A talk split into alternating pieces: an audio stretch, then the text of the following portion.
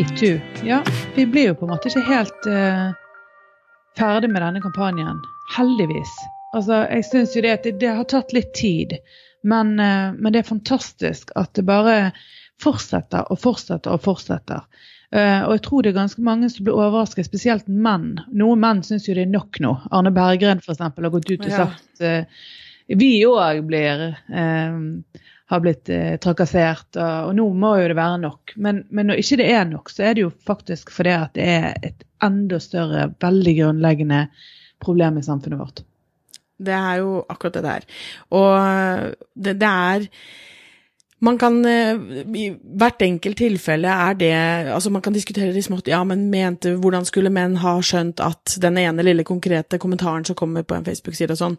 Men dette her er jo så mye mer fundamentalt enn det. Det er jo en eh, kultur, en ukultur, som, eh, som har pågått over så uendelig mange år at det er nettopp denne metoo-kampanjen har vært med på liksom eh, rokke ved den, da. Og da mm. trenger vi ikke Da er det ikke nok. Da kan vi ikke det, det, blir ikke nok før vi på en måte har fått vekk denne kulturen. Og det vet vi jo at uh, du forandrer ikke en kultur på 1, 2, 3, så det her kommer til å ta tid. Mm. Og da skjønner ikke jeg, jeg fatter og forstår ikke at Arne Bergen vil gå i den posisjonen framfor det, altså 100 millioner ganger mer Alexander Schou og mm. hans posisjon, som bare 'dette må vi ordne opp i', og hans Twitter-tirade med 'vi vet om du som gjorde sånn, du som gjorde sånn, du som gjorde sånn, og nå er det nok'. Ta ja, og da kommer jo TV 2, da blir det en skikkelig opprydning. Nå har de gått ut med fem helt konkrete tiltak som de må gjøre for å rydde opp i ukulturen. De har sagt opp fem bare... stykker, da? Ja, de har også sagt mm. opp noen. Og Eh, samtidig så går VG ut og sier ja, men vi er også et mediehus. Vi er også, vi er også altså det er akkurat så, Nå går det litt sporty, heldigvis, av fine menn som kommer og sier at vet du hva, jeg har et ansvar, vi har et ansvar. Jeg som leder, jeg som mann, jeg som far, bror, sønn. Altså, mm. vi har et ansvar. og jeg tror det at istedenfor å diskutere hva som er gråsoner, og hva som er greit og ikke greit, det er egentlig helt irrelevant i forhold til diskusjonen her. For det, det, det, er snakk om alt fra A til Å. Alt fra språkbruk, å bruke eh, ord som eh, fitte og mm. drittkjær. Altså, det er så utrolig mye sånn eh, kvinnelig nedlatende ordbruk. Og selv om um, selv om det ligger veldig nedarvet i den mannskulturen, så tenker jeg at denne kampanjen kan være med på å sette søkelys på ja, er egentlig hva er greit og hva er ikke greit. Mm. Og så selvfølgelig er jo det vanskelig. Jeg kan se at det kan være vanskelig å, å innføre så mye sensur og at det skal bli så humørløst at man blir livredd bare for å snakke med og tulle med kvinnelige kollegaer. Um, mm. men, men, jeg tror det at det likevel er en veldig, veldig, veldig eh, viktig debatt som er helt på overtid. Mm, uten tvil.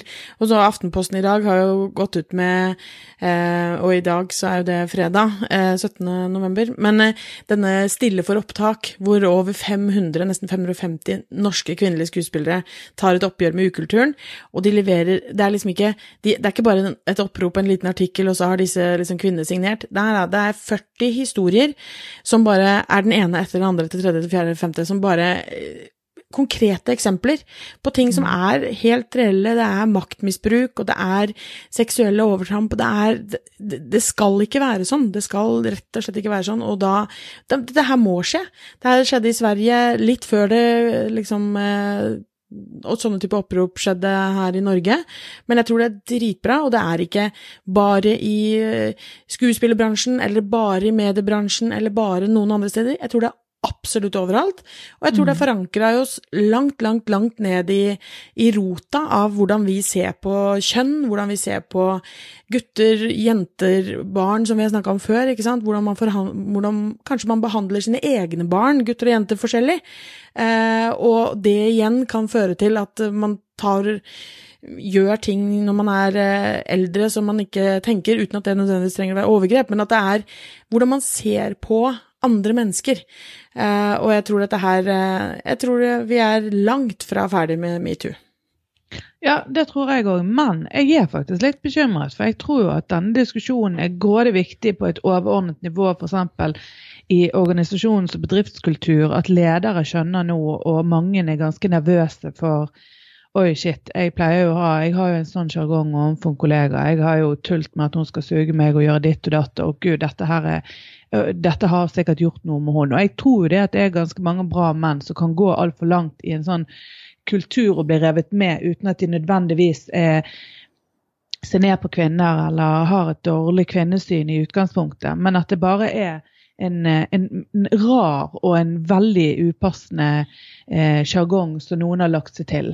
Men det jeg er bekymret for, mest bekymret for, det er jo om gutter i dag som ikke nødvendigvis følger så fryktelig mye med i sånn type kronikk og den offentlige debatten og på et profesjonelt nivå, at de tenker det ikke berører de. For dette er metoo er egentlig bare eh, menn i maktposisjoner som utnytter stillingene sine.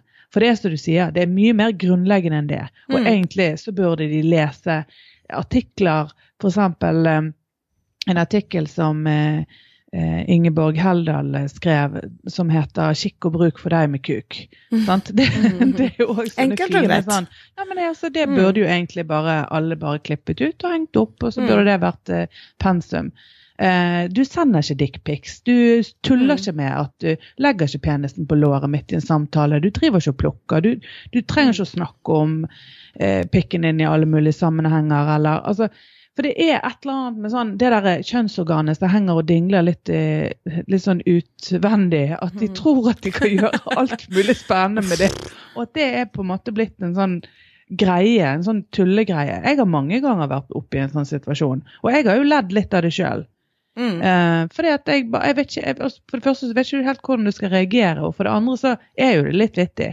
Altså, Jeg kan synes at det er litt vittig i noen sammenhenger, når noen er litt sånn uh, fordi at de er så sløkket. De er så teit. Men det er jo fordi at da er jeg i en posisjon der jeg ikke er truet. Ja, ikke mens, med en gang, mens med en gang det hadde vært en, en eh, Så hadde en eller annen form for eh, for en rang maktposisjon, et eller annet sånt, så hadde jo det vært et grusomt, ekkelt overgrep. Mm. Altså Det handler jo om kontekst, som alltid. Altså, Alt. Er det en som er eldre enn deg, er det en som har makt over deg, er det en, som, er det en profesjonell sammenheng, eller er det en kompis som du også tuller mye med?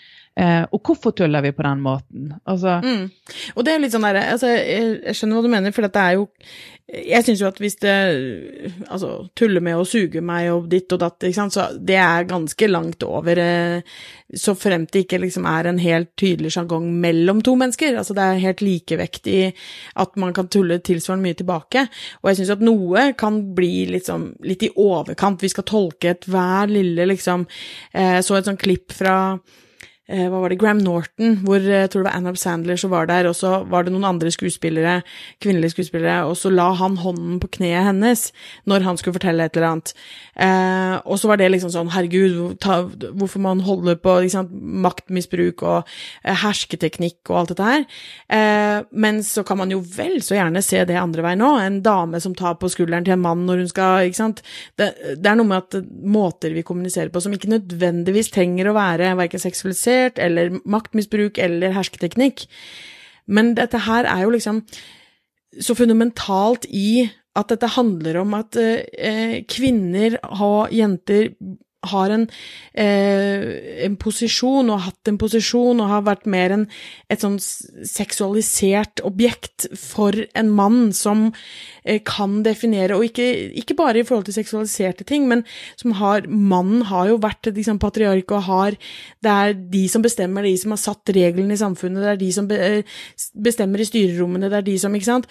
Og det er det som bryter opp litt nå, og jeg elsker jo sosiale medier for å kunne få til det her, for det her hadde ikke skjedd uten. Det er helt overbevist om. Mm, det er derfor vi får fram disse historiene nå. Det er derfor en liten i en lita bygd kan dele en historie, fordi hun har denne plattformen å gjøre det på, ellers hadde hun aldri blitt hørt. Og det er derfor man kan også få omfanget. For det er jo liksom den ene historien med Harvey Weinstein som det startet med, og så ble det en tredje og fjerde og femte, og så kommer Kevin Spacey, og så kommer eh, Louis C.K., og så kommer den ene etter den andre den tredje, og så mm. kommer det til Norge. Og så ser man at det er, det er i mediebransjen, det er i eh, skuespillerbransjen, det er i alle bransjer, og Mm. da ser man omfanget av det, og det er sosiale medier som på sitt aller, aller beste, altså. Det er, er i hvert fall min mening.